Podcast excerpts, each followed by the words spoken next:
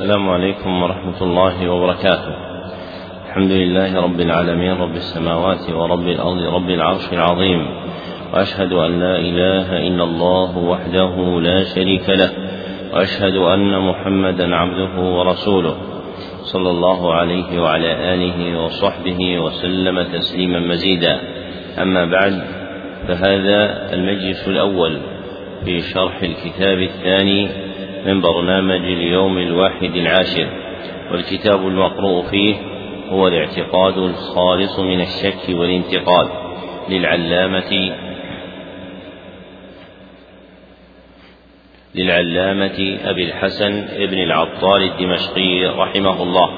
وقبل الشروع في إقرائه لا بد من ذكر مقدمات ثلاث. المقدمة الأولى التعريف بالمصنف. وتنتظم في ستة مقاصد. المقصد الأول جر نسبه هو الشيخ العلامة المشارك علي بن إبراهيم ابن داود الشافعي الدمشقي. يكنى بأبي الحسن. ويلقب بمختصر النووي لشدة ملازمته له. ويعرف أيضا بعلاء الدين. وتقدم غير مرة أن الألقاب التي تضاف فيها الأسماء إلى الدين أقل أحوالها الكراهة وهي من الدخائل الأعجمية في الأوضاع العربية فلم تكن العرب تعرفها حتى دخلت العجم ففشت فيها هذه الألقاب. المقصد الثاني تاريخ مولده. ولد غرة شوال. يوم عيد الفطر سنة أربع وخمسين وستمائة. المقصد الثالث جمهرة شيوخه. تلقى رحمه الله تعالى علومه عن جماعة منهم يحيى بن شرف النووي يحيى بن شرف النووي وعلي بن أحمد ابن عبد الدائم وإسماعيل ابن إبراهيم ابن أبي اليسر ومحمد بن عبد الله ابن مالك صاحب الألفية المعروفة في العربية واختص بأولهم فكان شديد الملازمة له حتى أضيف إليه فكان شيخ تخرجه وعرف كما تقدم بمختصر النووي. المقصد الرابع جمهرة تلاميذه انتفع به رحمه الله في علوم الرواية والدراية جماعة من مشاهيرهم محمد بن أحمد الذهبي صاحب التآليف المشهورة في التاريخ والسير وكان أخا له من الرضاعة ومنهم القاسم بن محمد البرزالي. القاسم بن محمد البرزالي وإبراهيم بن أحمد التنوخي ومحمد بن علي ابن الزملكاني. المقصد الخامس ثبت مصنفاته. له رحمه الله تصانيف متنوعة في علوم متعددة. لا يزال كثير منها لم يحفل بنشره مطبوعا ونشر له مطبوعا جملة من الكتب من جملتها شرح الأربعين النووية وهو باكورة شروحها وفاتحتها والعدة في شرح العمدة أي عمدة الأحكام. ومع وهذا الكتاب وهو الاعتقاد الخالص من الشك والانتقاد وأدب الخطيب وأحكام النساء. المقصد السادس تاريخ وفاته. توفي رحمه الله غرة ذي الحجة سنة أربع وعشرين وسبعمائة. سنة أربع وعشرين وسبعمائة وله من العمر سبعون سنة وشهران. رحمه الله رحمة واسعة. المقدمة الثانية التعريف بالمصنف وتنتظم في ستة مقاصد. المقصد الأول تحقيق عنوانه اسم هذا الكتاب الاعتقاد الخالص من الشك والانتقاد. وطريق إثبات هذا الاسم أمران أحدهما إثباته مرقوما على طرة النسختين الخطيتين للكتاب. إثباته مرقوما على النسختين الخطيتين للكتاب. والآخر تلويح المصنف به تلويح المصنف به على وجه الإيماء بقوله في آخره فهذا ما يسره الله تعالى من الكلام فهذا ما يسره الله تعالى من الكلام في الاعتقاد الخالص من الشك والانتقاد. في الاعتقاد الخالص من الشك والانتقاد انتهى كلامه وهو متضمن الإشارة اللطيفة إلى اسمه المثبت على طرة نسختيه الخطيتين. المقصد الثاني إثبات نسبته إليه. هذا الكتاب صحيح النسبة لابن العطار رحمه الله تعالى. وشاهد ذلك أمران. أحدهما اتفاق النسختين الخطيتين على نسبته إليه. اتفاق النسختين الخطيتين على نسبته إليه. والآخر ذكر بعض من ترجم له أن له كتابا في أصول أهل السنة في الاعتقاد. أن له كتابا في أصول أهل السنة في الاعتقاد. ذكره الزركي في الأعلام وعمر كحال في معجم المؤلفين. وهو هذا الكتاب المسمى بالاعتقاد الخالص من الشك والانتقاد. المقصد الثالث بيان موضوعه. موضوع هذا الكتاب هو بيان أصول أهل السنة في الاعتقاد فهو مدونة عقدية في أصول الاعتقاد السنية.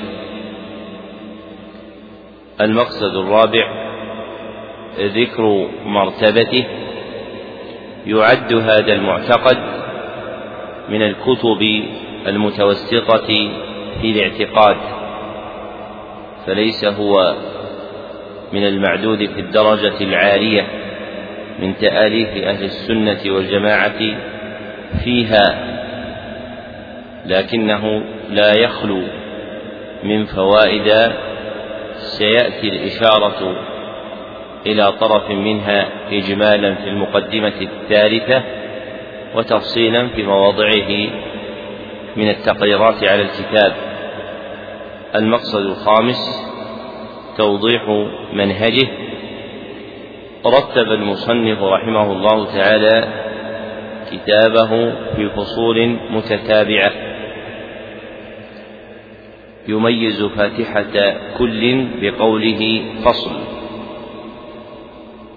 وقد يقرن به ما يبين مضمن الفصل فيترجم له بما يدل على مضمونه إلا أن هذا نادر وغالب تصرفه الاكتفاء بالترجمة بقوله فصل. واعتنى رحمه الله تعالى بالنقل عن غيره في بيان مقاصد الكتاب تارة بذكره مصرحا بالنقل عنه وتارة بطي ذكره دون إعراب عن اسم المنقول عنه. فحفل في مواضع متعددة بالنقل عن جماعة من المتكلمين في أبواب الاعتقاد من أهل السنة وغيرهم كأبي جعفر الطحاوي وأبي عثمان الصابوني وابن شعبان المالكي. وربما أورد رحمه الله تعالى كلاما منقولا عن أحد ولم يسمه.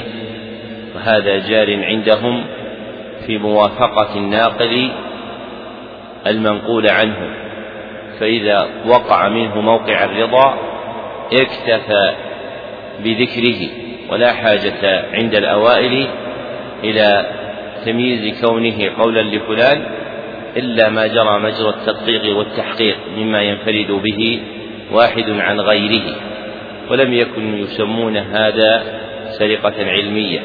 لأنهم لم يكونوا يريدون العلم للتجارة وإنما وجد هذا المعنى لما صار العلم للتجارة فتشدد الناس فيه بناء على هذا الأصل. وأما الأوائل فإنهم أسمح من ذلك في الاكتفاء بالنقل دون عزو إذا وقع الرضا بالمنقول. المقصد السادس العناية به لم تزد العناية بهذا الكتاب عن طبعه مرتين. المعتمدة منهما هي الطبعة الصادرة عن وزارة الشؤون الإسلامية في قطر.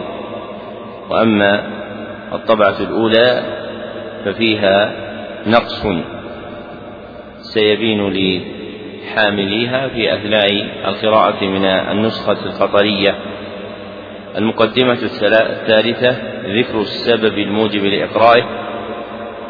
إن السبب الموجب إقراء هذا الكتاب هو إبراز معتقد عالم من علماء الشافعية وافق في أكثره جادة السلف رحمهم الله في الاعتقاد ومنهم إمامه الشافعي فهو حجة ناطقة على تبرئة الشافعية من انتحالهم عقائد مخالفة لإمامهم رحمه الله تعالى بل كان الأوائل منهم على طريقة إمامهم تبعا لما كانت عليه عقائد السلف. فلما فشت البدع تحول كثير منهم إلى غير ما كان عليه أوائلهم وقدماؤهم.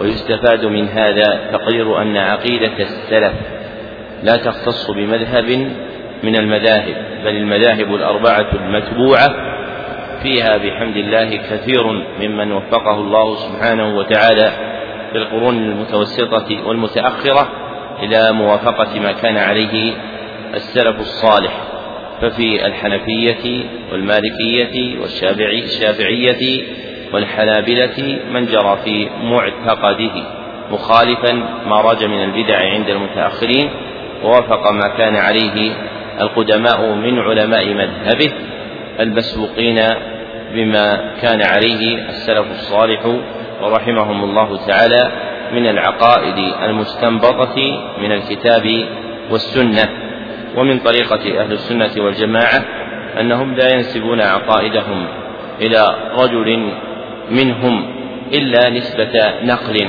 كقولهم عقيدة الطحاوي فهي عقيدته باعتبار نقله لا باعتبار اختصاصه بشيء لم يكن لغيره من العلماء رحمهم الله تعالى فينبغي التنويه بكون كثير من أئمة المذاهب المتبوعين كانوا على طريقة السلف رحمهم الله تعالى ولم تجتالهم البدع ولا يزال هذا موجودا بحمد الله في كل قطر من أقطار الإسلام. ومن ظن أنه يفقد فلقلة اطلاعه وما يروج له في بعض جهات بلادنا من أن عقائد علمائه لم تكن وفق العقائد الرسمية كما يسمونها اليوم هي ترهات وتخرصات. فقد كان من علماء الحجاز وعلماء الأحساء من لهم عقائد مدونة وفق طريقة السلف. في زمن لم تكن فيه لآل سعود ولاية على تلك البلدان. وفي بعض النواحي من يكون مدونوها من الشافعية والمالكية والحنفية.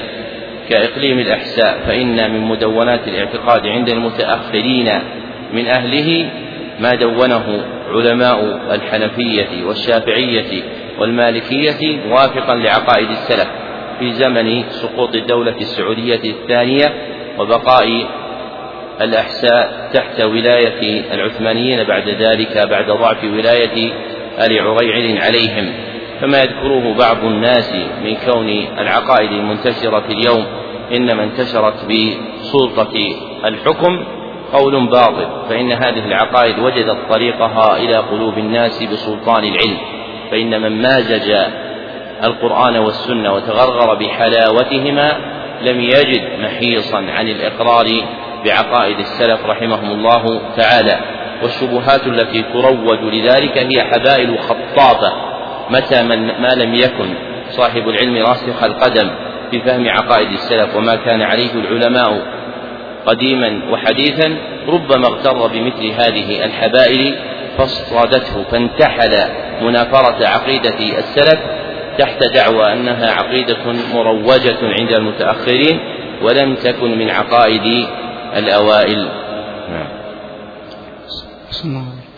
الحمد لله وصلى الله وسلم على نبينا محمد وعلى آله وصحبه أجمعين. اللهم اغفر لنا ولشيخنا ولوالديه ولمشايخه وللمسلمين. قال المصنف علي بن رحمه الله تعالى بسم الله الرحمن الرحيم. صلى الله على محمد. رب يسر يا كريم. الحمد لله الواحد الأحد الفرد الصمد الذي لم يلد ولم يولد ولم يكن له كفوا أحد. أوجد الموجودات كلها من العدم صادرة عن كلمة كن من غير تردد فكانت إظهارا لقدرته وجعل النوع الإنساني مدركا لصنعته بالعلم. وإن كانت كلها مسبحة بحمده على الأبد أحمده على ما هدانا له من غير تردد ولا حيد.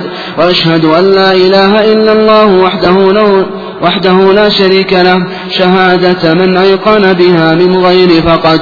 وأشهد أن محمدا عبده ورسوله المبعوث إلى الثقلين الجن والإنس الوالد منهم والولد المنعوت بنعوت الكمال حتى صار سيد من عبد. صلى الله عليه وسلم وعلى آله وأزواجه وصحابته وذريته أهل العلم والعمل والمعتقد صلاة دائمة بدوام المدد والمدد. أما بعد فهذا كتاب صنفته على أصول أهل السنة في الاعتقاد من غير زياد. ذكرت فيه ما يحتاج إليه كل عارف من أهل الزبد. رجاء نفعهم به في الأولى والعقبى ووصله إلى دار الكرامة والأبد. وما توفيقي إلا بالله عليه توكلت وإليه ينيب سبحانه هو السيد السند. وأعوذ به سبحانه من التفرير عنه والفند. إنه خير مسؤول وأولى من رغب إليه وعبد. وهو الشهيد على كل من شهد. ابتدأ المصنف رحمه الله تعالى كتابه بديباجة ضمنها حمد الله والشهادتين والصلاة على النبي صلى الله عليه وسلم وعلى آله وصحبه مع الإعراب عن مقصوده في وضع هذا الكتاب وهو تصنيفه على أصول أهل السنة في الاعتقاد. وكان مما ذكره رحمه الله تعالى مما يحتاج التنبيه إليه قوله الفرض فإن هذا وقع على وجه الخبر عن الله عز وجل وهو جائز فإن الخبر عن الله عز وجل بما ليس من أسمائه وصفاته جائز بشرطين أحدهما الاحتياج إليه والآخر عدم تمحضه في السوء. عدم تمحضه في السوء فلا يكون خالصا فيه بل يقع على معنى مشترك بين الحسن وعدمه. ذكر هذين الشرطين في تقرير طويل له أبو العباس ابن تيمية في درء تعارض العقل والنقل. والتقط منه استخلاصا من مدلول كلامه رحمه الله تعالى. وروي عده في الأسماء الحسنى من وجه لا يثبت. فالحديث الوارد في ذكر اسم الفرد حديث ضعيف ويجوز استعماله خبرا وعليه يحمل صنيع المصنف.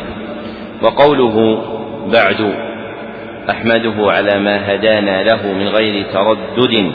ولا حيد أي من غير ميل عما يجب من حمده سبحانه وتعالى فإن الحيد هو الميل ومنه كتاب الحيدة للحافظ عبد العزيز الكناني رحمه الله تعالى.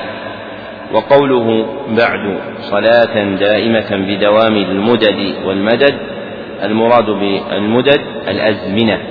جمع مدة والمدد هو الإعانة فهو يصلي على النبي صلى الله عليه وسلم ما دامت الأزمان واضطرد عون الله سبحانه وتعالى للعبد لأن العبد لا قدرة له على العمل الصالح إلا بعون الله عز وجل. وقوله بعد كل عارف من أهل الزبد أي الملتمسين صفوة العلوم وخلاصتها ممن لا يرغب في الفضول الزائدة المتفرقة التي تدخل في العلوم. وقوله بعد سبحانه هو السيد السند المراد بالسند المعتمد. ووقع خبرا نظير ما تقدم في الفرد وأما السيد فاختلف في كونه اسما لله أم لا على قولين. أحدهما أنه من الأسماء الحسنى والآخر أنه ليس من أسماء الله الحسنى. اختار أبو عبد الله ابن القيم أنه من أسماء الله الحسنى. والأشبه عدم كونه من أسماء الله عز وجل. وقوله وأعوذ به سبحانه من التفنيد عنه والفند التفنيد اللوم والعتاب والفند تغير الذهن واضطرابه بالخرف وغيره. نعم. صلى الله عليكم. فصل. يجب أن نعتقد أن الله سبحانه وتعالى كان ولا شيء معه وهو سبحانه على ما كان وأنه سبحانه واحد في ذاته واحد في صفاته واحد في مخلوقاته. وأنه سبحانه بائن من خلقه لا يحل في شيء ولا يتحد به وأن صفاته سبحانه قديمة بقدم ذاته لا ينفصل عنها وأن الموجودات كلها حادثة وأنه سبحانه الأول ليس قبله شيء والآخر وأنه سبحانه الأول ليس قبله شيء والآخر وأنه سبحانه عالم. وأنه سبحانه وتعالى عالم بعلم قادر بقدرة حي, حي بحياة مريد بإرادة سميع بسمع بصير ببصر متكلم بكلام لا يشبه في شيء من ذلك شيئا من مخلوقاته ولا يشبه به شيء من مخلوقاته ولا يحده سبحانه وتعالى حد ولا يعرف إلا بتعريفه ولا يتصرف إلا بتصريفه ولا يكيفه سبحانه تكييف ولا يمثله تمثيل وأنه سبحانه استوى على العرش كما نطق به الكتاب العزيز في ست آيات كلمات بلا كيف بل كيف شاء من غير مماثل حاجة أو احتياج إلى العرش مع تنزيهه سبحانه عن الجلوس أو القعود أو غيرهما من من صفات المحدثين وأنه سبحانه وتعالى ينزل كل ليلة إلى السماء الدنيا وكذلك يوم عرفة كما ثبت في الأحاديث الصحيحة المرويات عن جماعة من الصحابة والصحابيات وأن ذلك كيف شاء لا كما نفهمه من مواجيد ذواتنا وأنه كلما خطر بالبال أو تص وأنه كلما خطر بالبال أو تصور في الذهن خطر خطر وأنه كلما خطر بالبال أو تصور في الدين فالله تعالى بخلافه. وقد نفى بعضهم النزول وضعف الأحاديث أو تأولها خوفا من التحيز. أو الحركة والانتقال الملازمين للأجسام والمحدثين والمحققين أثبتوها. وأوجبوا الإيمان بها كما يشاء. وقد ذكر البخاري في صحيحه رواية أن الله يتنزل. وقال بعضهم والتنزل غير النزول. والله سبحانه وتعالى عال في الدنو دار في العلو. وجميع الآيات والأحاديث الثابتات من المجيء والنزول وإثبات الوجه وغير ذلك من الصفات. أوجب العلماء الإيمان بها وعدم الفكر وعدم الفكر فيها. أو تصورها ومن تكلم فيها منهم تكلم بتأويلها على ما لا على ما يليق بجلال الله سبحانه وتعالى مع اعتقاد نفي جميع صفات المخلوقين. وقد روينا في حديث مرفوع حسن أن النبي صلى الله عليه وسلم قال تفكروا في آلاء الله ولا تتفكروا في ذات الله. الكتاب العزيز ناطق بالتحضيض على التفكر في خلق السماوات والأرض والنظر في آياتهما ويجب الإيمان بما عدا ذلك. والتسليم له وتفويض العلم الذاتي إلى الله تعالى. وأما العلم بالوجود والقدرة والتنزيه والتبدي من الحول والقوة إلا به سبحانه وتعالى فهو المطلوب الذي وقع التكليف به. وأما التصور والإدراك والإحاطة فذلك خاص به سبحانه وتعالى وحظ العالم العلوي والسفلي الإيمان بوجوده لا تصور ذاته وشهود لا تصور ذاته وشهوده لا سبيل لنبي مرسل ولا ملك مقرب. إلى الاطلاع على ذلك لا, لا تصور لا تصور ذاته وشهوده. فاصل بعد لا سبيل. وحظ العالم العلوي والسفلي الإيمان بوجوده لا تصور ذاته وشهوده لا سبيل إلى لا سبيل لنبي مرسل ولا ملك مقرب إلى الاطلاع على ذلك ولا الإحاطة بشيء منه فالعجز عن الإدراك إدراك وقوة الإيمان حاملة على اليقين واليقين قد يصير في قوة في قوته والتمسك به ككشف الغطاء ولهذا قال علي رضي الله عنه لو كشف الغطاء ما ازددت يقينا وبهذا المعنى امتاز الصديق رضي الله عنه وغيره من الصحابة رضي الله عنهم على سائر الأمة حتى كان أحدهم يجعل المخبر عنه في المستقبل وجوديا في الحال كإخباره صلى الله عليه وسلم عن الخاتم الذهب أنه جمرة من نار فألقاه من يده وذهب فقيل له خذ خاتمك انتفع به فقال والله لا آخذه وما ذاك إلا أن المغيب عنه صار يقينا عنده فبالأثر يستدل على المؤثر فإذا تمكن فإذا تمكن معرفة المؤثر وهو الله. فإذا تمكن معرفة المؤثر وهو الله سبحانه وتعالى استدل به على جميع الموجودات وصار سبحانه وتعالى عند العبد دليلها وهاديها ومعطيها ومانعها ومعلمها ومفهمها بواسطة النبي صلى الله عليه وسلم.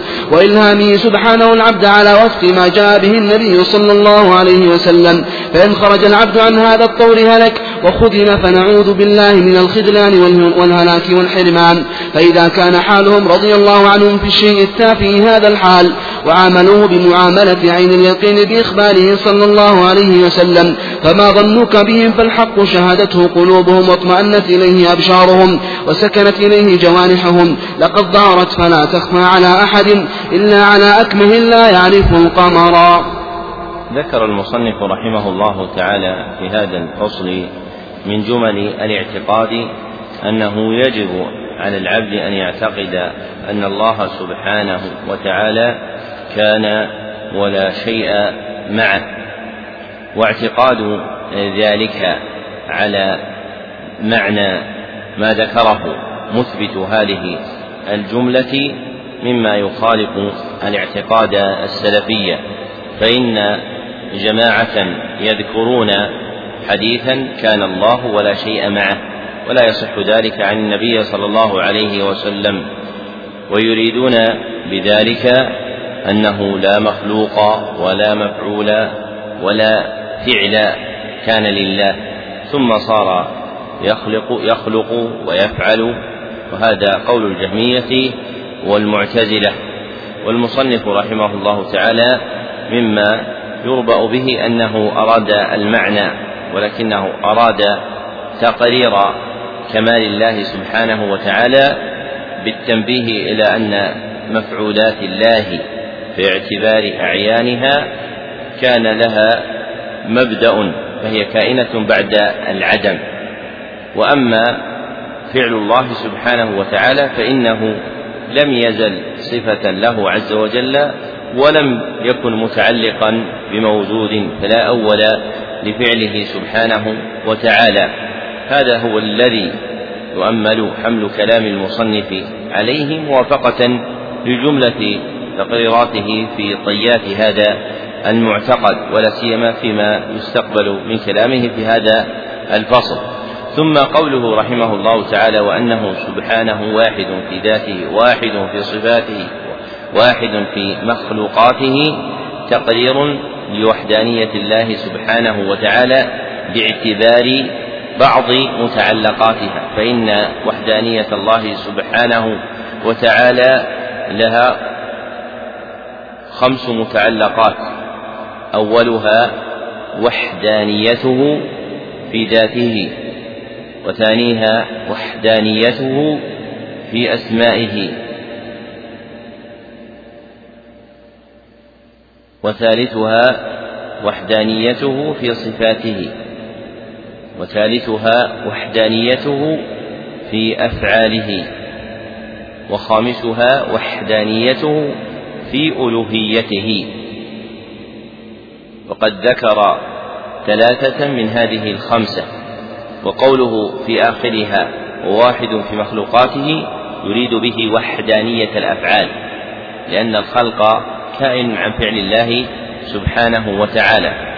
ثم ذكر أنه سبحانه بائن من خلقه أي متميز عنهم فهو منفصل سبحانه وتعالى غير مختلط بخلقه.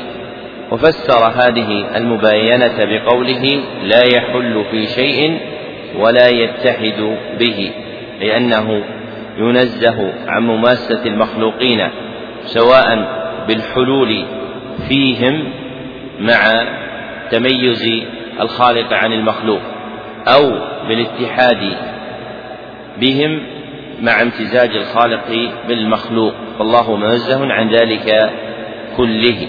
ثم ذكر من جملة الاعتقاد الواجب أن يعتقد العبد أن صفاته سبحانه قديمة بقدم ذاته لا ينفصل عنها وأن الموجودات كلها حادثة. والمراد بالقدم هنا أزلية الصفات. أي أن الله لم يزل موصوفا صفاته قبل وجود متعلقاتها فهو موصوف بتلك الصفات قبل ظهور آثارها. وربما قيل إن صفات الله قديمة على إرادة نفي الصفات المتعلقة باختيار الله ومشيئته. كالنزول و الاتيان والمجيء وغيره وهذا معنى باطل. وإذا وقع وصف الصفات بالقدم في كلام بعض أهل السنة وجب حمله على الأول وأن مراده إثبات أزلية صفات الله سبحانه وتعالى وأنها لم تحدث له بعد أن لم تكن. ثم ذكر ذكر رحمه الله تعالى أنه سبحانه الأول ليس قبله شيء والآخر الذي ليس بعده شيء والظاهر الذي ليس فوقه شيء والباطن الذي ليس دونه شيء كما جاء ذلك مفسرا في حديث أبي هريرة رضي الله عنه في صحيح مسلم. إن هذه الأسماء الأربعة الأول والآخر والظاهر والباطن ثابتة بالكتاب والسنة ووقع تفسيرها في السنة النبوية. ومن قواعد التفسير أن تفسير الحديث أو تفسير الآية إذا ورد عن النبي صلى الله عليه وسلم أغنى عن طلب تفسير غيره فليس لأحد بعده كلام. شر إلى هذه القاعدة الطبري في تفسيره والقرطبي في تفسيره. ثم ذكر رحمه الله تعالى من جملة الاعتقاد أن الله سبحانه لم يبن عنه شيء أي لم ينفصل عنه شيء من حيث علمه وقدرته وإيجاده وملكه بل كل شيء متعلق بعلم الله وقدرته وإيجاده وملكه ولم يتصل به شيء من حيث ذاته أي أن الله عز وجل منزه عن اتصال المخلوقين به فهم يرون آثار علمه وقدرته وملكه وقوته وسلطانه فيما يخلقه عز وجل ولكن ذاته سبحانه وتعالى بائنة منهم. ثم قال وأن ذاته سبحانه لا تشبه الذوات وصفاته لا تشبه الصفات. والتصرف في أدلتها وتأويلها لا يشبه التصرفات أي أن القول في تقرير أدلتها وبيان معانيها لا يشبه بغيره من التصرف في غيرها من صفات المخلوقين فإنه وإن وجد الاشتراك في معنى الصفة بين الخالق والمخلوق إلا أن بين المعنى التام للصفة الإلهية والصفة المخلوقة بون شاسع كإثبات السمع أو البصر لله وللمخلوق. قال الله تعالى ليس كمثله شيء وهو السميع البصير. وقال تعالى إنا خلقناه من نطفة أمشاج نبتلي فجعلناه سميعا بصيرا. والقول في الصفة الإلهية غير القول في الصفة البشرية وإن اشترك في قدر بينهما فيما يتعلق بمعنى الصفة. ثم ذكر رحمه الله تعالى في بيانه لما ينبغي اعتقاده أن الموجودات كلها مفتقرة إليه وهو سبحانه غير مفتقر إلى شيء والمراد بالافتقار الاحتياج. قال الله تعالى يا أيها الناس أنتم الفقراء إلى الله والله هو الغني الحميد فالله سبحانه وتعالى مستغن عن الخلق والخلق محتاجون له. وهذه هي حقيقة اسمه الصمد فإن اسم الصمد لله معناه السيد الكامل المقصود في الحوائج فهو كامل لاستغنائه والخلق محتاجون لافتقارهم. ثم ذكر رحمه الله تعالى افتقار الخلق له بما يتعلق بالعرش والكرسي والسماوات السبع والأرضون السبع فيهن وبينهن. وحملت وحملت ذلك كلهم محمولون بقدرته. أي أن الله سبحانه وتعالى لعظيم قدرته جعلهم على هذه الأوضاع فأقدرهم عليها. فرفع السماوات بلا عمد ونصب الأرض بلا وتد. ثم ذكر بعد ذلك أنه سبحانه لا يحيط به شيء ولا يستعين بشيء بل الموجودات كلها محاط بها مستعينة به سبحانه وتعالى. ثم ذكر أن الله سبحانه وتعالى عالم بعلم قادر بقدرة إلى آخر ما ذكر. تبيانا لأن بأن الأسماء الإلهية تتضمن إثبات صفات الله عز وجل. فإذا أثبت كونه عالما فله علم وإذا أثبت كونه قادرا فله قدرة. وإذا أثبت كونه حيا فله حياة. فلا يقال كما تقول المعتزلة عالم بلا علم أو قادر بلا قدرة أو حي بلا حياة. ثم قال ولا يحده سبحانه وتعالى حد أي لا يمكن أن يكون له سبحانه وتعالى منتهى ينتهى إليه في بيان كمالاته. هذا هو معنى الحد. ها هنا بخلاف ما وقع في كلام المعلق على الكتاب فالمراد بقوله ولا يحده سبحانه وتعالى حد أي لا يكون ثم منتهى ينتهى إليه في بيان كمالاته سبحانه وتعالى لقوله بعد ولا يعرف إلا بتعريفه أي لا تمكن معرفة الله عز وجل إلا بما تعرف به إلينا ولا يتصرف إلا بتصريفه أي لا يمكن إجراء شيء إلا بتدبيره وتقديره ولا يكيفه سبحانه تكييف ولا يمثله تمثيل فإثبات ما تقدم من الأسماء والصفات منوط بنفي التكييف والتمثيل عن الله سبحانه وتعالى والمراد بالتكييف اصطلاحا إثبات كنه الصفة إثبات كنه الصفة والمراد بالكنه الحقيقة. والتمثيل اصطلاحا هو إثبات كنه الصفة بذكر مماثل لها. إثبات كنه الصفة بذكر مماثل لها وكلاهما منفيان عن الله سبحانه وتعالى. للقطع بقصور مدارك الخلق عن العلم بحقائق صفاته سبحانه وتعالى. فنحن وإن علمنا بتعريف الله سبحانه وتعالى ما له عز وجل من الصفات الإلهية إلا أن علمنا بها ينتهي إلى العلم بمعانيها. وأما العلم بكيفياتها فهذا إلى الله سبحانه وتعالى. ثم ذكر رحمه الله تعالى أن من جملة ما يجب من الاعتقاد اعتقاد أنه استوى أن الله سبحانه استوى على العرش كما نطق به الكتاب العزيز في ست آيات كلمات بلا كيف. ثم قال رحمه الله تعالى في بيان امتناع الكيف بل كيف شاء من غير مماسة أو احتياج إلى العرش مع تنزيهه سبحانه عن الجلوس أو القعود أو غيرها من صفات المحدثين.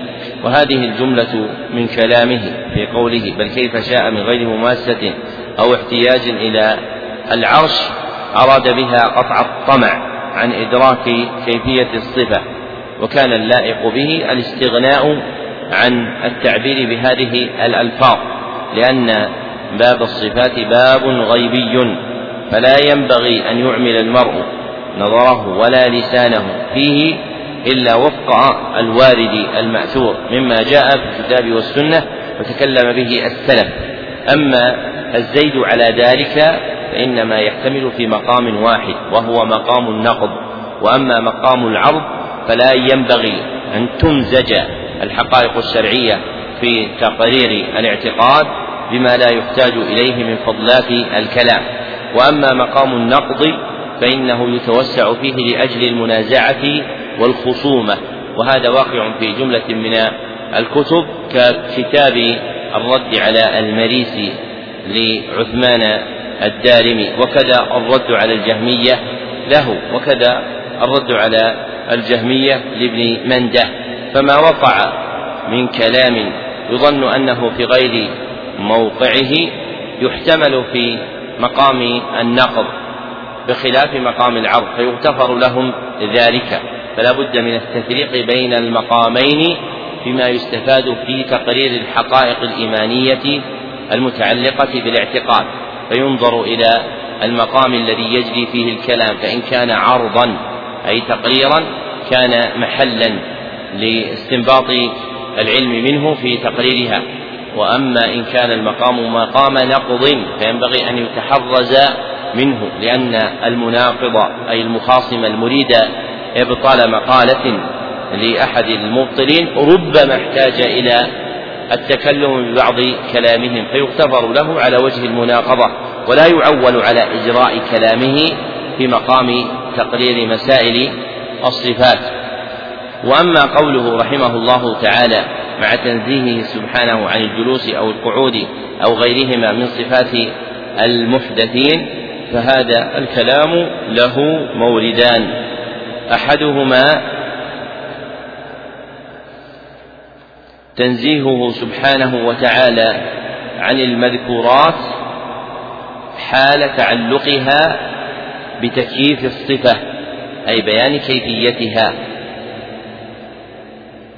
فهذا حق فإنه لا يتكلم بذلك لأجل تكييف الصفة لأن كيفية الصفة الإلهية محتجبة عنا والآخر أن يتكلم بها فيما يتعلق ببيان معنى الصفة أن يتكلم بها في بيان معنى الصفة فلا يسلم للمصنف ما ذكره فلا يصنف فلا يسلم للمصنف ما ذكره. فقد ورد هذان اللفظان في بعض الأحاديث والآثار. لبيان معنى صفة استواء الله سبحانه وتعالى على العرش. والمروي فيهما لا يخلو من ضعف والمشهور عند أئمة السلف في تفسير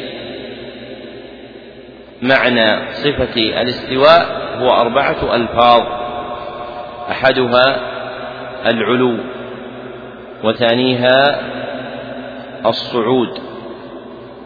وثالثها الاستقرار ورابعها الارتفاع. فينبغي التمسك بها في بيان معنى الصفة دون الاحتياج إلى ما لم يستقر القول به عند علماء أهل السنة رحمهم الله تعالى. ثم ذكر من جملة الصفات الإلهية نزول الله سبحانه وتعالى كل ليلة إلى السماء الدنيا كما صحت بذلك الأحاديث عن النبي صلى الله عليه وسلم من رواية جماعة من الصحابة. فأحاديث النزول رواها بضعة عشر صحابيا وأفردها أبو الحسن الدار قطني بكتاب يعرف بكتاب النزول.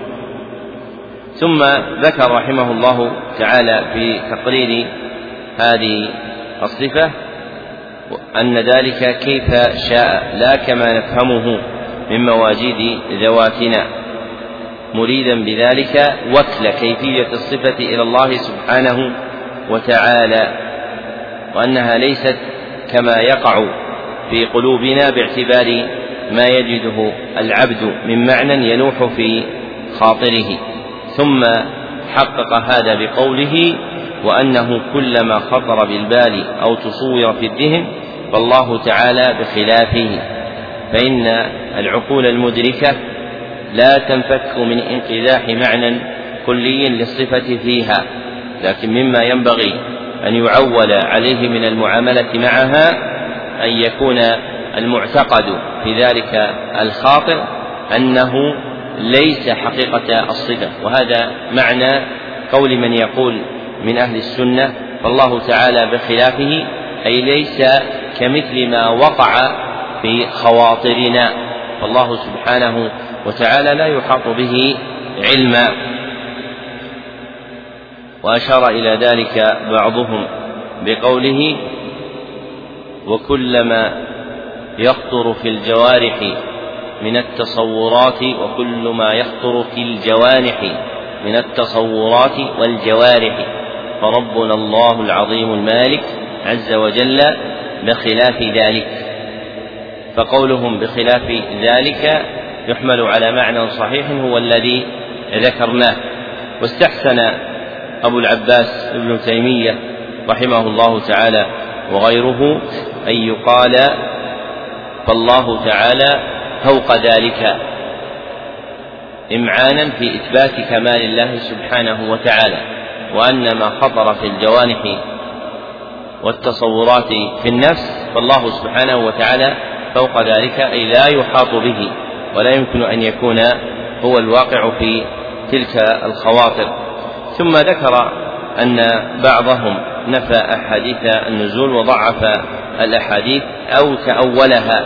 خوفا لمعان متوهمة كالتحيز أو الحركة والانتقال الملازمين للأجسام والمحدثين يعني المخلوقين. ثم قال والمحققون أثبتوها. ومراده في قوله أو تأولوها خوفا من التحيز أي من اعتقاد كون الله سبحانه وتعالى في حيز. فمن اعتقد أن السماء تحوز الله عز وجل أن يكون محاطا بها فهذا كافر باتفاق المسلمين.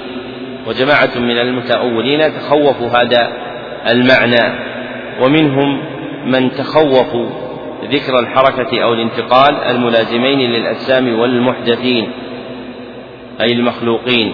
فأول تلك الأحاديث تنزيها لله سبحانه وتعالى وهاتان الكلمتان الحركة والانتقال مما وقع التعبير بها في كلام جماعة من أئمة السلف. لكن عظم ذلك كان واقعا في باب المناقضة والمعارضة لا في باب التقرير والتأييد للاعتقاد الصحيح السديد.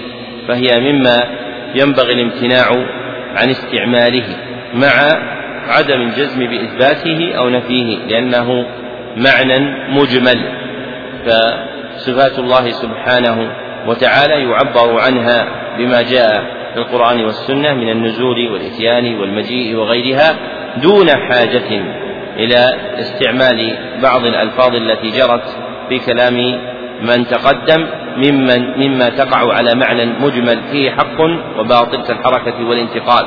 ثم ذكر رحمه الله تعالى أن المحققين أثبتوها وأوجبوا الإيمان بها كما يشاء الله سبحانه وتعالى. ثم ذكر أن جميع الآيات والأحاديث في باب الصفات يجب الإيمان بها وعدم الفكر فيها أو تصورها أي اعتقاد صورة تنطبع في النفس لها.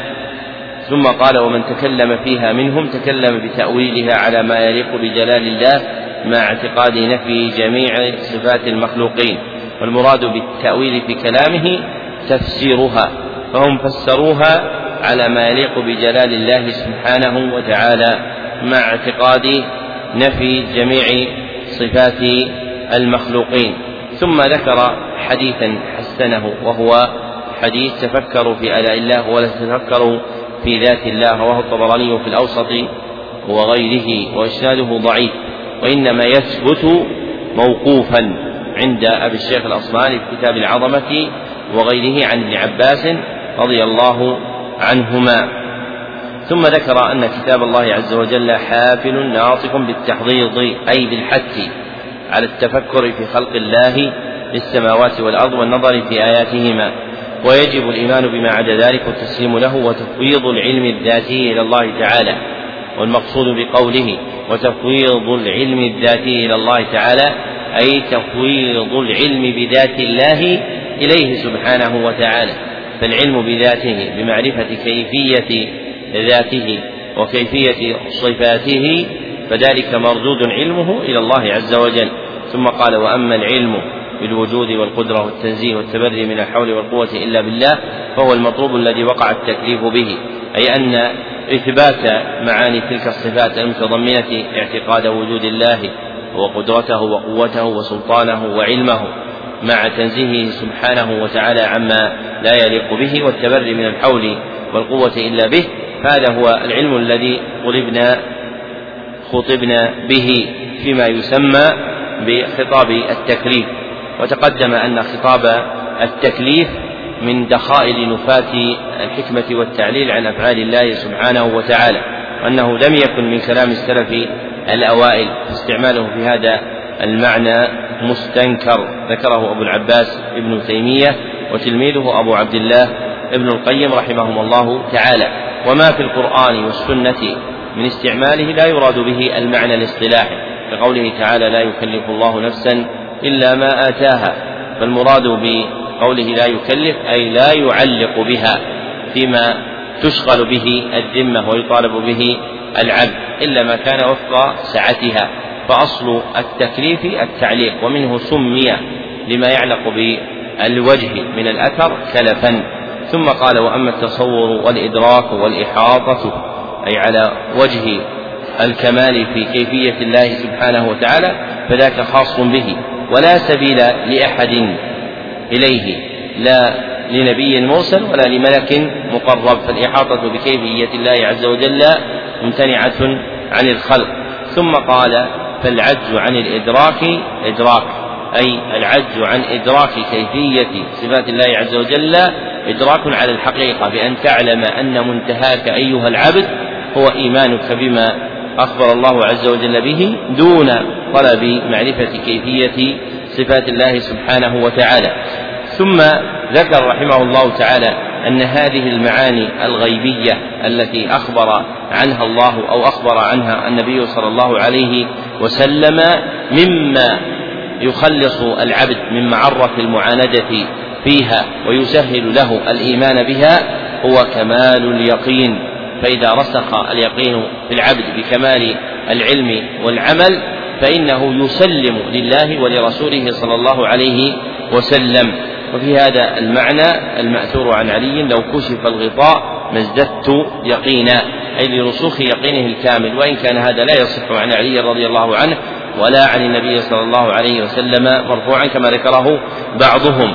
وإنما المقصود تقرير هذا المعنى وهو أن اليقين الثابت في القلب يهون على العبد الإيمان بالغيب ومن جملته خبر الله عن أسمائه وصفاته حتى يكون الغيب لشدة اليقين كأنه شهود فيؤمن العبد إيمانا كاملا بيقين صادق فلا يقع في قلبه منافرة ولا منازعة لما أخبر الله سبحانه وتعالى ولا ما أخبر النبي صلى الله عليه وسلم.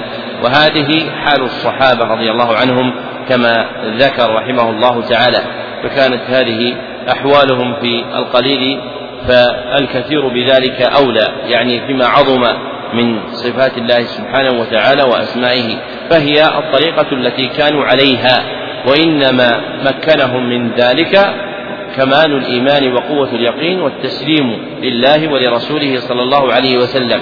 وذكر مثلا من ذلك في أمر يسير وهو الصحابي الذي نزع خاتمه بأمر النبي صلى الله عليه وسلم وكان من ذهب فلما قيل له خذ خاتمك قال والله لا آخذه فكأنه كره أخذه لأمر النبي صلى الله عليه وسلم له. فمبالغة في التسليم لأمر الله وأمر رسوله صلى الله عليه وسلم رفع نظره وقطع طمع قلبه من التطلع إليه فتركه. وهذا هو المعنى الذي أراده المصنف رحمه الله تعالى أن الصحابي نزع من قلبه التعلق بذلك المال. وهو الخاتم الذي من ذهب لما يرجوه من الجزاء على الجزاء الموعود على طاعة الرسول صلى الله عليه وسلم. فليقينه بالجزاء الأعظم استهان بالمال الأقل. هذا مأخذ الصحا مأخذ المصنف في إيراده خلافا لما قرره المعلق على عن الكتاب على الكتاب. نعم. صلى الله عليكم. فصل. يجب أن نعتقد أن ما أثبته الله سبحانه في كتبه على لسان رسله صلوات الله عليهم وسلامه حق وأن, وأن جميع ما فيها من الوجود والإيجاد الثابتين للإلهية والتنزيه عن الحدث والمحدث وصفاتهما حق وأن الكتاب العزيز المنزل على لسان محمد صلى الله عليه وسلم أتى بجميع ما فيها من ذلك وأبين وأنه لا اختلاف بين الكتب في ذلك وأنه ناسخ لجميع الكتب وأن شريعة محمد صلى الله عليه وسلم ناسخة لجميع الشرائع وأن رسول الله صلى الله عليه وسلم وجميع النبيين حق ويجب أن نعتقد أنه يحرم التفرقة بين رسول الله وأنبيائه في التوحيد وما أقره رسول الله صلى الله عليه وسلم وقاله وعمل به أو فعل بحضرته وسكت عليه وسكت عليه فهو حق وأن العقل مذكر لذلك. لا أمر له ولا نهي ولا تحريم ولا تحليل بل تصرفه الموافق لكتاب الله تعالى وسنة رسوله صلى الله عليه وسلم في الفروع جائز. وأما في الأصول فلا مدخل له أصلا البتة سوى الوقوف عنده. فما أثبته سبحانه لنفسه في كتابه وعلى لسان رسوله صلى الله عليه وسلم أثبتناه وما نفيناه نفينا وما نفاه نفيناه وما سكت عنه سكتنا عنه. وما ذكره سبحانه وتعالى في الكتاب العزيز وعلى لسان نبيه محمد صلى الله عليه وسلم مفرقا ذكرناه مفرقا وما ذكره مجموعا ذكرناه مجموعا فإن فنافي جميع ذلك نفيا أدى إلى تعطيلها ونفي الحق ونفي الحقائق الشرعية الثابتة عن الله تعالى ورسوله صلى الله عليه وسلم. وجب ذكرها وبيانها مجموعة ومبينة للرد عليه وعدم الكتمان المتوعد عليه بالنار الملعون متعاطيه. وما أرسل الله الرسل وجعل العلماء ورثتهم إلا لهذا. والله يعلم المفسد من المصلح. أعد من قوله فإن فناف فإن فناف جميع ذلك نفيا أدى إلى تعطيلها ونفي الحقائق الشرعية الثابتة عن الله تعالى ورسوله صلى الله عليه نعم وسلم. الفاصلة هذه لا وجه لها لئلا يغمض المعنى. الكلام متصل أدى إلى تعطيلها ونفي الحقائق الشرعية. نعم. صلى الله عليكم. أدى إلى تعطيلها ونفي الحقائق الشرعية الثابتة عن الله تعالى ورسوله صلى الله عليه وسلم. وجب ذكرها وبيانها مجموعة ومبينة للرد عليه وعدم الكتمان المتوعد عليه بالنار الملعون متعاطيه. وما أرسل الله الرسل وجعل العلماء ورثتهم إلا لهذا. والله يعلم المفسد من المصلح. ذكر المصنف رحمه الله تعالى في هذا الفصل أنه يجب أن نعتقد أن ما أثبته الله في كتبه على لسان رسله حق. الكتب المنزلة على الأنبياء حق من كلام الله سبحانه وتعالى وأن جميع ما فيها من الوجود والإيجاد أي مما هو موجود أو يطلب تحصيله مما هو متعلق بالخلق أو المخلوق الثابتين للإلهية والتنزيه عن الحدث والمحدث أي عن الخلق والمخلوق وصفاتهما حق. فالله سبحانه وتعالى متميز عن المحدثات من المخلوقات فهو عز وجل أزلي قديم كما يخبر عنه بالشرع بأنه الأول بخلاف المخلوقات فإنها حادثة. ثم ذكر في جملة ما يجب اعتقاده اعتقاد أن الكتاب العزيز المنزل على لسان محمد صلى الله عليه وسلم أتى بجميع ما في ذلك وأبين وأنه لا اختلاف بين الكتب في ذلك يعني في الأصول الكلية المتعلقة بإثبات وحدانية الله سبحانه وتعالى فإن الأنبياء كلهم جاءوا بدين واحد هو الاستسلام لله بالتوحيد. وسيأتي تقرير ذلك في فصل متقدم وأنه أي القرآن ناسخ لجميع الكتب وأن شريعة محمد صلى الله عليه وسلم ناسخة لجميع الشرائع وإضافة الشريعة إلى النبي صلى الله عليه وسلم هي باعتبار كونه مبلغا لها لا واضعا فإن وضع الشريعة لله وحده. ثم ذكر مما يجب الإيمان به أن رسول الله صلى الله عليه وسلم وجميع النبيين حق ويجب أن نعتقد أنه يحرم التفرقة بين رسل الله وأنبيائه في التوحيد وأن ما أقره رسول الله صلى الله عليه وسلم وقاله وعمل به أو فعل بحضرته وسكت عليه فهو حق مما يسميه الأصوليون بالإقرار وهو أحد أقسام السنة الثلاثة عندهم. قال ابن عاصم في مرتقى الوصول للقول والفعل وللإقرار قسمت السنة بانحصار. ثم بين منزلة العقل من الأمر والنهي فقال وأن العقل مذكر لذلك لا أمر له ولا نهي فلا استقلال للعقل في إثبات الأحكام الشرعية المطلوبة من الخلق ولا تحريم ولا تحليل بل تصرفه الموافق لكتاب الله وسنة رسوله صلى الله عليه وسلم في الفروع جائز. أي بوقوعه تابعا لخطاب الشرع فيها وأما في الأصول فلا مدخل له أصلا البتة سوى الوقوف عنده أي فيما يتعلق بالاعتقاديات فإن العقل لا سبيل له إلى الاطلاع عليها فهي موقوفة على خبر الشرع لتعلقها بحق الله سبحانه وتعالى وحق الله عز وجل لا سبيل إليه إلا بالوحي ولا وحي في العقل. وأما في الفروع فذكر المصنف رحمه الله تعالى أن حكم العقل جائز والمراد بتجويز حكم العقل هنا إثبات التحسين والتقبيح العقليين أي إمكان إثبات الحكم على شيء بأنه حسن أو قبيح بالنظر إلى العقل. ومذهب أهل السنة والجماعة إمكان كون العقل حاكما بالحسن والتقبيح. لكن ترتيب مطالبة العبد بها وما يكون عليها من الثواب والعقاب فهذا موقوف على الشرع. فإن من عقلاء المشركين من كان يميز الحسن والقبيح مما كانوا عليه قبل ورود الشرع فذلك ممكن عقلا لكن ترتيب مطالبة العبد به فعلا أو تركا وما يلحق ذلك من الجزاء ثوابا أو عقابا فهذا إلى الشرع ولا سبيل إلى العقل فيه وهو مذهب متوسط بين طريقة الأشاعرة والمعتزلة. ثم ذكر أن ما أثبته الله أو أثبته رسوله صلى الله عليه وسلم أو نفاه الله أو نفاه رسوله صلى الله عليه وسلم أو سكت عنه الله أو سكت عنه رسوله صلى الله عليه وسلم فإن الواجب هو اتباع ذلك كله. ومن نفى شيئا من ذلك وجب الرد عليه بذكر تلك الحقائق البينة مما جاء في الكتاب والسنة وعدم كتمها إظهارا للشريعة وإقامة لها. ويتأكد هذا في حق العلماء لأنهم ورثة الأنبياء فهم المبلغون خبر الشرع بعد ذهاب الأنبياء. نعم. صلى الله عليكم. فصل. الوجود الذاتي ثابت له سبحانه والصفات ثابتة له سبحانه وتعالى أزلا أبدا. ووجود المخلوقين وصفاتهم منفي عنه سبحانه فهو سبحانه قديم أزلي دائم سرمدي. والمخلوقون محدثون دائمون بإدامته فانون بإفنائه مبعوثون ببعثه منشورون بنشره.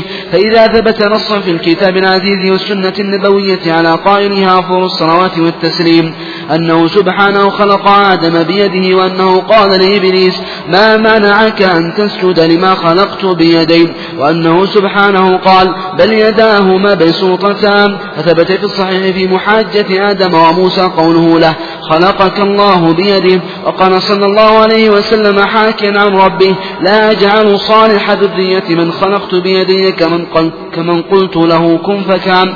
وقوله صلى الله عليه وسلم خلق الله الفردوس بيده وخلق جنة عدن بيده وكتب التوراة لموسى بيده وغير ذلك من الأخبار. وجب علينا اعتقاد أن ذلك حق وحرم علينا أن نقول إن الله تعالى خاطبنا بما نفهمه ولا نفهم اليد إلا ذات الكف والأصابع.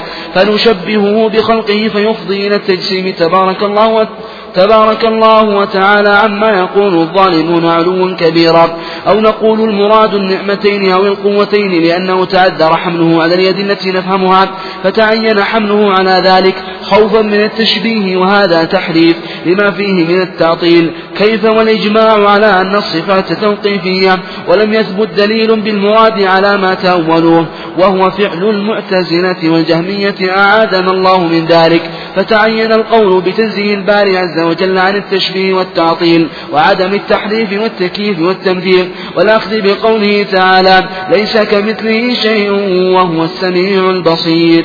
من منا منا من الله سبحانه وتعالى بالتفهيم والتعريف لسلوك التوحيد والتنزيه. وكذا القول في جميع ما ثبت من ذلك. والله يعلم المفسد من المصلح.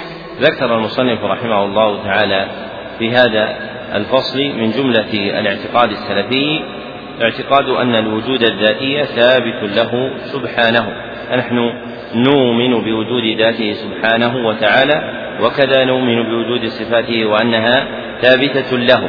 ثم ذكر المصنف رحمه الله تعالى الفارق بين وجود الخالق ووجود المخلوق بأن وجود الخالق قديم أزلي دائم سرمدي وأن وجود المخلوق محدث غير دائم بل هو يفنى بأمر الله سبحانه وتعالى. وما أخبر به عن وجود الله عز وجل كان ينبغي الاستغناء عنه بما ثبت من اسمه سبحانه وتعالى الأول والآخر فإنه دال على ما أراد بيانه من المعاني المستكنة في قوله قديم أزلي دائم سرمدي. فإن قوله قديم أزلي يراد يراد به إثبات ما في الزمن الماضي وقوله دائم سرمدي يراد به إثبات ما في الزمن المستقبل واسم الله عز وجل الأول والآخر مغن عن ذلك. ثم ذكر أن ما ثبت نصا في القرآن والسنة من شيء وجب التسليم به كالخبر عن خلقه سبحانه وتعالى آدم بيده في آيات وأحاديث وكذا خلقه غير ذلك بيده كحديث خلق الله الفردوس بيده وخلق جنة عدن بيده وكتب التوراة لموسى بيده والأحاديث المروية مع اجتماع هذه الثلاثة لا تخلو من ضعف. وأما الجملة الثالثة وهي كتابة التوراة لموسى بيد ربنا سبحانه وتعالى فإنها ثابتة في صحيح مسلم في لفظ له وخط لك التوراة بيده. ثم ذكر رحمه الله تعالى أن مما يجب على العبد إزاء تلك الآيات والأحاديث هو اعتقاد أن ذلك حق. ثم ذكر كلاما أراد به الرد على طائفتين إحداهما الممثلة والأخرى المؤولة. فأما الطائفة الممثلة فقال ردا عليها وحرم علينا أن نقول إن الله تعالى خاطبنا بما نفهمه يعني من المحسوس. ولا نفهم اليد إلا ذات الكف والأصابع فنشبهه بخلقه. فيفضي إلى التجسيم. فأراد الرد عليهم بإبطال ما يعتقدونه من أن صفة الله سبحانه وتعالى كصفتنا. وأما المؤولة فرد عليهم بقوله أو نقول المراد النعمتين يعني باليدين أو القوتين لأنه تعذر حمله على اليد التي نفهمها فتعين حمله على ذلك خوفا من التشبيه ثم قال وهذا تحريف لما فيه من التعطيل. كيف والإجماع على أن الصفات توقيفية؟ أي لا سبيل إليها إلا بخبر من القرآن والسنة النبوية. وهذه هي قاعدة الأسماء والصفات فقولهم الأسماء والصفات توقيفية أي موقوفة على ورود الدليل بها. قال السفاريني في الدرة المضيئة لكنها في الحق توقيفية لنا بدا أدلة جلية ولم يرد. دليل صحيح على إثبات المعنى الذي تأولوه وهو كما قال فعل المعتزلة والجهمية. فيجب على العبد أن يثبت لله ما أثبته لنفسه أو أثبته له رسوله صلى الله عليه وسلم مع اعتقاد تنزه الله عما لا يليق به. كما قال فتعين القول بتنزيه الباري عن التشبيه والتعطيل وعدم التحريف والتكييف والتمثيل والأخذ بقوله تعالى ليس كمثله شيء وهو السميع البصير فهذه الآية هي القانون الجامع للإيمان في الأسماء والصفات فإنها اشتملت على ركنين أحدهما الإثبات في قوله وهو السميع البصير والآخر النفي في قوله ليس كمثله شيء وهما المذكوران في الخطاب الشرعي باسم التسبيح والتحميد وسبق بيان هذا في غير هذا المجلس. وموجب ذلك كما قال منا من الله أي إنعاما من الله بالتفهيم والتعريف بسلوك التوحيد والتنزيه إذ من على العبد بتيسير ذلك له وكذا القول في جميع ما ثبت من ذلك. وهذه الجملة إعلان بالإعلام بأن طريقته رحمه الله تعالى في الصفات الإلهية هي إثباتها كما جاءت في الكتاب والسنة دون تمثيل ولا تأويل. وإنما اقتصر على صفة اليد لأن أكثر خلف الأوائل كان في صفات منها اليد فإن أكثر ما يذكر عند الأقدمين صفة اليد وصفة الاستواء وصفة العلو وصفة الكلام. ومن أئمة التأويل القدامى من كان يثبت بعض هذه الصفات لشدة ما ورد في إثباتها من الآيات والأحاديث. بل في عصرنا هذا ممن يعتقد معتقد الماتريدية ممن يذهب إلى إثبات صفة اليد والعلو خلافا لما عليه علماء مذهبه مع كونه ماتريديا وله كتاب حافل في كل صفة من الصفتين. وبيان لشبهات نفاتها من أهل مذهبه وذلك لكثرة الدلائل النقلية من الكتاب والسنة في إثبات اليد لله وإثبات علوه. نعم. صلى الله عليكم فصل. الباري عز وجل منزه عن أن يجب عليه شيء أو يلزمه لازم والمخلوقون مكلفون فيجب عليهم الواجب ويلزمهم اللازم.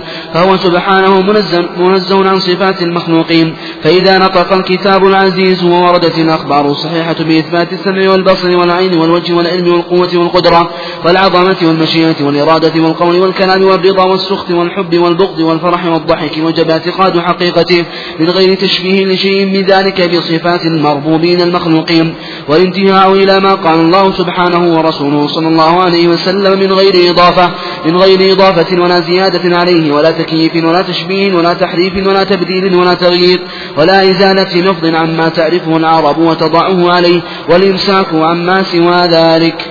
هذا الفصل تأكيد للجملة التي ختم بها المصنف الفصل المتقدم من أن الطريقة التي ينبغي اعتقادها هو إثبات الصفات الإلهية دون تكييف ولا تمثيل ولا تشبيه ولا تعطيل. ثم قال رحمه الله تعالى في آخر كلامه ولا إزالة لفظ عما تعرفه العرب وتضعه عليه.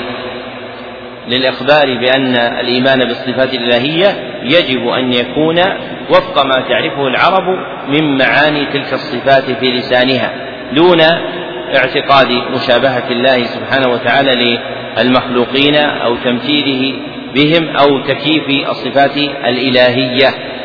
نعم. صلى الله عليكم فصل. رؤية الباري عز وجل في دار السلام واجبة الإيمان بها.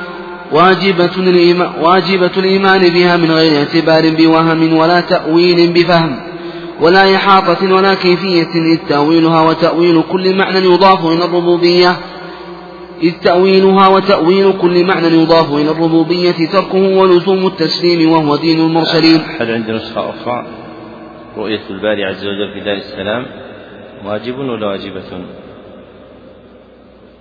ها؟ يعني نفس نسختنا في النسخة القديمة أحد مع النسخة القديمة؟ ها؟ إيش؟ واجبة.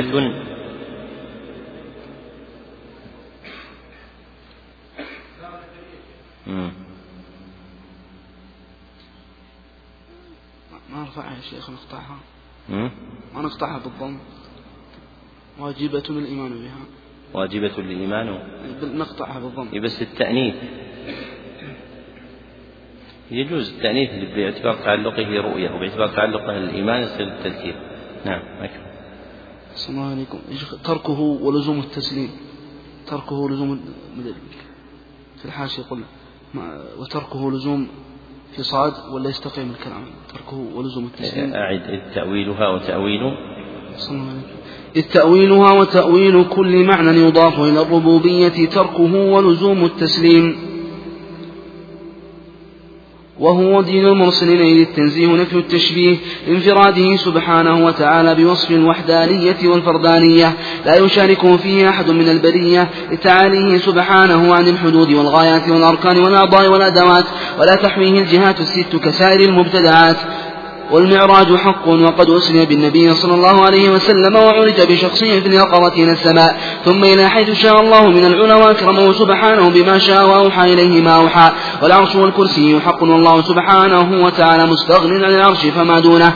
محيط بكل شيء وأعجز سبحانه خلقه عن الإحاطة. واتخذ الله إبراهيم خليلا وكلم موسى تكليما. إيمانا وتصديقا وتسليما. إذ له سبحانه أن يكرم من يشاء بما يشاء. ورؤية الباري عز وجل في الدنيا في المنام جائزة للأنبياء وغيرهم وهي صحيحة نقل اتفاق العلماء عليه القاضي عياض رحمه الله قال ولو رآه الإنسان على صفة لا تليق بجلاله من صفات الأجسام لأن ذلك المرئي غير ذات الله تعالى إذ لا يجوز عليه سبحانه التجسيم ولا اختلاف الأحوال بخلاف رؤية النبي صلى الله عليه وسلم. وقال ابن الباقلاني.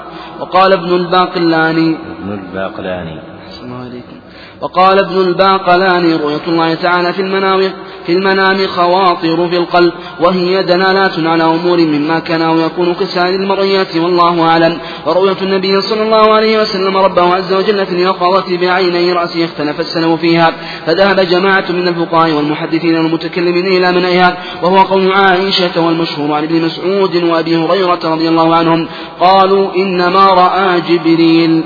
وعن ابن عباس رضي الله عنهما رأى ربه بعينه وهو محكي عن جماعة من الصحابة والتابعين وقال عطاء رآه بقلبه وقال أبو العالية رآه بفؤاده مرتين وروي عن ابن عباس رضي الله عنهما من طرق قال إن الله تعالى اختص موسى بالكلام وإبراهيم بالخلة ومحمدا بالرؤيا وحجته قوله تعالى ما كذب الفؤاد ما رأى أفتمارونه على ما يرى ولقد رآه نزلة أخرى قال الماوردي رحمه الله قيل إن الله قسم كلامه إن الله قسم كلامه ورؤيته بين موسى ومحمد فرآه محمد مرتين وكلم موسى مرتين وهذا الاختلاف عند أئمة الشرع. قال القاضي عياض رحمه الله والحق الذي امترى فيه أن رؤيته تعالى في الدنيا جائزة عقلا وليس في العقل ما يحيلها والدليل على جوازها في الدنيا سؤال موسى عليه السلام لها ومحال أن يجهل نبي على الله ما يجوز وما لا يجوز عليه بل لم يسل إلا جائزا غير مستحيل ولكن وقوعه ومشاهدته من الغيب الذي لا يعلمه إلا من علمه الله فقال له الله لن تراني. أي لن تطيق ولا تحتمل رؤيتي ثم ضرب له مثلا مما هو أقوى من بنية موسى من بنية موسى صلى الله عليه وسلم وأثبت وهو الجبل. وكل هذا ليس فيه ما يحيل رؤيته في الدنيا بل فيه جوازه على الجملة. وليس في الشرع دليل قاطع على استحالتها ولا امتناعها إذ كل موجود فرؤيته جائزة غير مستحيلة. ولا حجة لمن استدل على منعها بقوله تعالى لا تدركه الأبصار. لاختلاف التأويلات في الآيات وإذ ليس يقتضي قول من قال في الدنيا الاستحالة وقد استدل بعضهم وقد استدل بعضهم عليه بهذه الآية نفسها على جواز الرؤيا وعدم استحالتها على الجملة وقد قيل لا تدركه أبصار الكفار وقيل لا تدركه الأبصار أي لا تحيط به وهو قول ابن عباس رضي الله عنهما وقيل لا تدركه الأبصار وإنما يدركه المبصرون وكل هذه التأويلات لا تقتضي منع الرؤية ولا استحالتها ومنع بعضهم الرؤية في الدنيا وقال من نظر إليه سبحانه مات وعلل بعضهم امتناعها وعلل بعضهم امتناعها لضعف تركيب أهل الدنيا وقواهم وكونها متغيرة غرضا للآفات والفناء.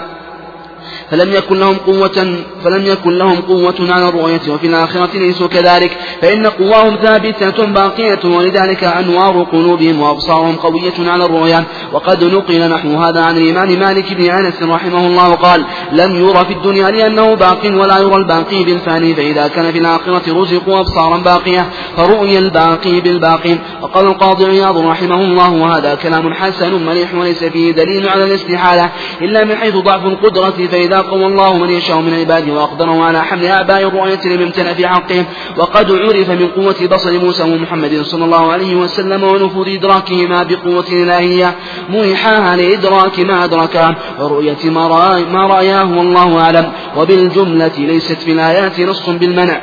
وقول من قال رآه بعينيه إنما بناه على اعتقاده باجتهاده ولم يسنده إلى النبي صلى الله عليه وسلم والأحاديث مضطربة في المعنى لتعارضها وفي الإسناد لضعفها.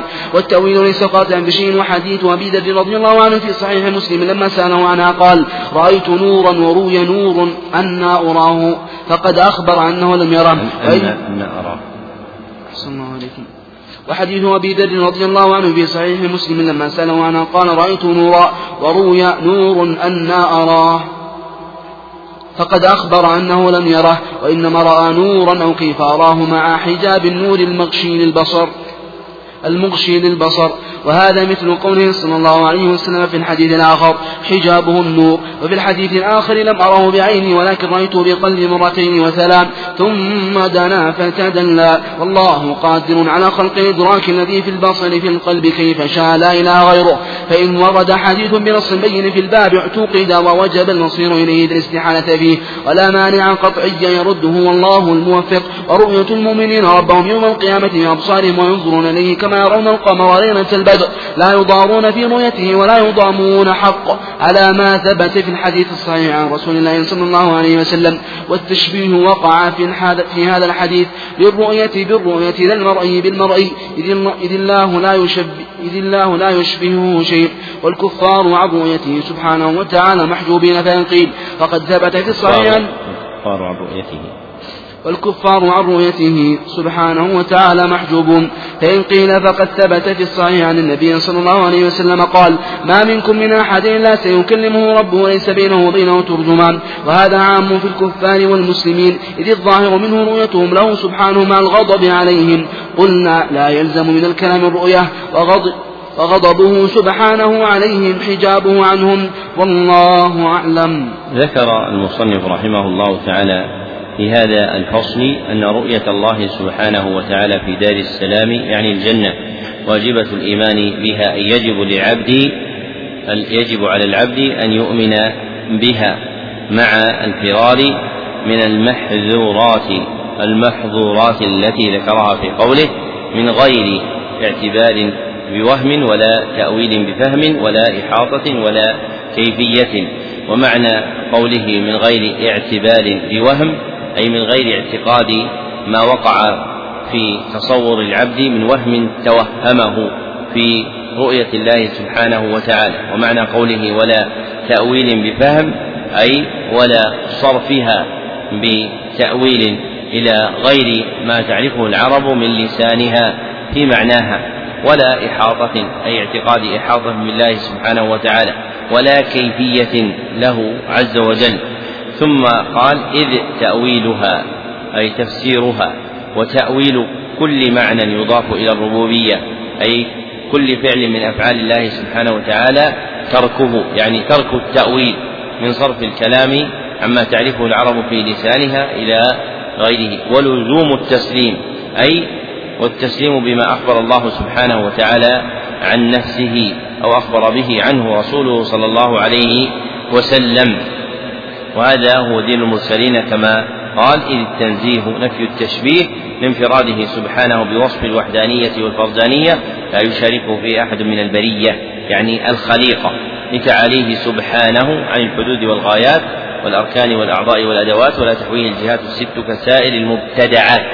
وهذه الجملة فيها ألفاظ مجملات لم تكن من الألفاظ المعبر عنها المعبر بها عن حقائق الإيمان بالصفات الإلهية في كلام السلف. والأولى العدول عنها لعدم تمحضها بالحق والصفات الإلهية حق أخبرنا الله. فمن أراد أن يخبر عن الحق فليخبر بحق وليترك كلاما مجملا يتنازعه الحق والباطل وتأخذ كل طائفة منه ما تريد. ثم ذكر بعد ذلك أن مما يجب الإيمان به اعتقاد أن المعراج حق. والمعراج هو الصعود بالنبي صلى الله عليه وسلم إلى السماء بعد أن أسري به صلى الله عليه وسلم وكان الإسراء به بروحه وبدنه في أصح أقوال أهل العلم. ثم ذكر أن العرش والكرسي حق أن الله مستغن عن العرش. ثم ذكر إثبات اتخاذ الله إبراهيم خليلا وأنه كلم موسى تكليما. ثم ذكر أن رؤية الباري عز وجل في الدنيا في المنام جائزة للأنبياء وغيرهم وهي صحيحة وهو قول أكثر أهل العلم. بل نقل بعضهم الاتفاق عليها بل نقل بعض المتأخرين الاتفاق عليها في حق الأنبياء وغيرهم. وهو الصحيح أن رؤية الله في المنام ممكنة لكن رؤية الله في المنام يجب فيها ملاحظة أمرين. أحدهما أن ما يراه الرائي في المنام ليس هو حقيقة الكيفية الإلهية قطعا. أن ما يراه الرائي في المنام ليس حقيقة الكيفية الإلهية قطعا. وثانيها أنه من باب ضرب الأمثال أنه من باب ضرب الأمثال. فكمال الصورة باعتبار قوة الإيمان. فكمال الصورة باعتبار كمال الإيمان. ذكره أبو العباس ابن تيمية رحمه الله في الرد على الرازي. ولما كان النبي صلى الله عليه وسلم أكمل الخلق إيمانا وأرسخهم إيقانا كانت رؤيته ربه في المنام في أحسن سورة فقال رأيت ربي في أحسن سورة وهذا معنى ما نقله المصنف عن الباقلاني في قوله وهي دلالات على أمور مما كان أو يكون كسائر المرئيات وهذه الدلالات من جنس ضرب الأمثال للإنسان. ثم ذكر رحمه الله تعالى الاختلاف في رؤية النبي صلى الله عليه وسلم ربه في اليقظة في الدنيا. وأطلب رحمه الله تعالى في تقرير هذا المعنى دون مصيره إلى شيء يرجح وامتنع عن ذلك فلم يفد إثباتا أو نفيا لتنازع الأدلة عنده مع ميله إلى إمكان وقوع ذلك. والصحيح أن ما ذكره هو نقلا عن القاضي عياض مزيف بضعف مأخذه العقلي أولا. فإن الكلام الذي ذكره القاضي عياض في إمكانية ذلك بناء على سؤال موسى فيه نظر من جهة الدليل العقلي بإمكان قلب تلك الدعوة على القاضي عياض فيما ذكره. والأمر الآخر وهو الذي قطع كل نظر ما ثبت في صحيح مسلم عن رجل من أصحاب النبي صلى الله عليه وسلم أنه قال واعلموا أنكم لن تروا ربكم حتى تموتوا. واعلموا أنكم لن تروا ربكم حتى تموتوا. فهذا خبر صادق بأن أحدا لن يرى ربه إلا في الآخرة وأما قبلها في الدنيا فإنه لا يرى. وهل يدخل النبي صلى الله عليه وسلم في مثل هذا الخطاب أم لا؟ ما الجواب.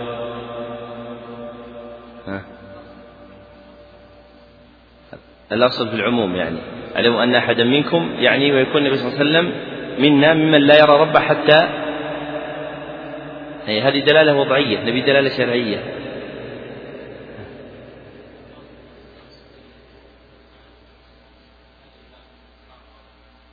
إيه نبي إحنا نبي دلالة الرسولية هي الدلالة الوضعية، لكن الدلالة الشرعية هو قوله صلى الله عليه وسلم: إن أحدا منكم لن يدخل الجنة إلا بعمله، قالوا لن إن أحدا منكم لن يدخل الجنة إلا برحمة الله. قالوا: ولا أنت يا رسول الله. قال: ولا أنا إلا أن يتغمدني الله برحمته. فقولهم ولا أنت إخبار بأنه مندرج في الخطاب. ولو لم يكن مندرجا عندهم في الخطاب لما قالوا ذلك. فيدخل النبي صلى الله عليه وسلم في قوله واعلموا أن أحدا منكم لن يرى ربه حتى واعلموا أنكم لن ترى ربكم حتى تموتوا. ثم ذكر رحمه الله تعالى في آخر هذا الفصل أن المؤمنين يرون ربهم يوم القيامة بأبصارهم. فقال ورؤية المؤمنين ربهم يوم القيامة بأبصارهم وينظرون إليه كما يرون القمر ليلة البدر. الصفحة السادسة والأربعين بعد المئة. ثم قال والتشبيه وقع في هذا الحديث للرؤية بالرؤية لا للمرء بالمرء. يعني في قوله تعالى في قوله صلى الله عليه وسلم إنكم سترون ربكم كما ترون هذا القمر. لا تضامون برؤيته متفق عليه من حديث إسماعيل بن أبي خالد عن قاسم أبي حازم عن جرير بن عبد الله البجلي. فالتشبيه الواقع فيه تشبيه للرؤية بالرؤية أي كرؤيتنا للقمر. لا تشبيه للمرء الذي هو الله بالمرء الذي هو القمر. ثم ختم هذا الفصل بقوله والكفار عن رؤيته سبحانه وتعالى محجوبون يعني في الآخرة. ثم أجاب عما جاء في الصحيح. ما منكم أحد من أحد إلا سيكلمه ربه ليس بينه وبينه ترجمان. وأن هذا عام في الكفار والمسلمين فأجاب عن ذلك بقول قلنا لا يلزم من الكلام الرؤية بل يمكن أن يكلمهم دون أن يروه سبحانه وتعالى. ورؤية الكفار ربهم يوم القيامة اختلف فيها عند أهل السنة على ثلاثة أقوال. هي لأصحاب الإمام أحمد وغيرهم والراجح أن الكفار يرون ربهم يوم القيامة وذلك في عرصات القيامة قبل مصير الناس إلى الجنة والنار. كما ثبت ذلك في حديث أبي سعيد الخدري في الصحيحين. واستنبط السجزي وتبعه ابن القيم ذلك من القرآن في قوله سبحانه وتعالى يا أيها الإنسان إنك كادح إلى ربك كدحا فملاقيه بعود الضمير إلى الله أي ملاق الله سبحانه وتعالى. واللقاء لا يكون إلا برؤية وهذا أصح الأقوال الثلاثة والله أعلم. إلا أن رؤية الكفار تفارق رؤية المؤمنين في الآخرة من جهة أن رؤية الكفار ربهم هي رؤية امتحان وتعريف. ورؤية المؤمنين ربهم هي رؤية إنعام وتشريف. فلما افترقت الجهة مع ما ثبت من الأدلة كان الأرجح والله أعلم هو القول بإثبات رؤية الكفار ربهم يوم القيامة. وهذا آخر البيان على هذه الجملة من الكتاب. ونستكمل بقيته بإذن الله بعد صلاة المغرب. الحمد لله رب العالمين. صلى الله وسلم على ورسوله محمد وآله وصحبه أجمعين.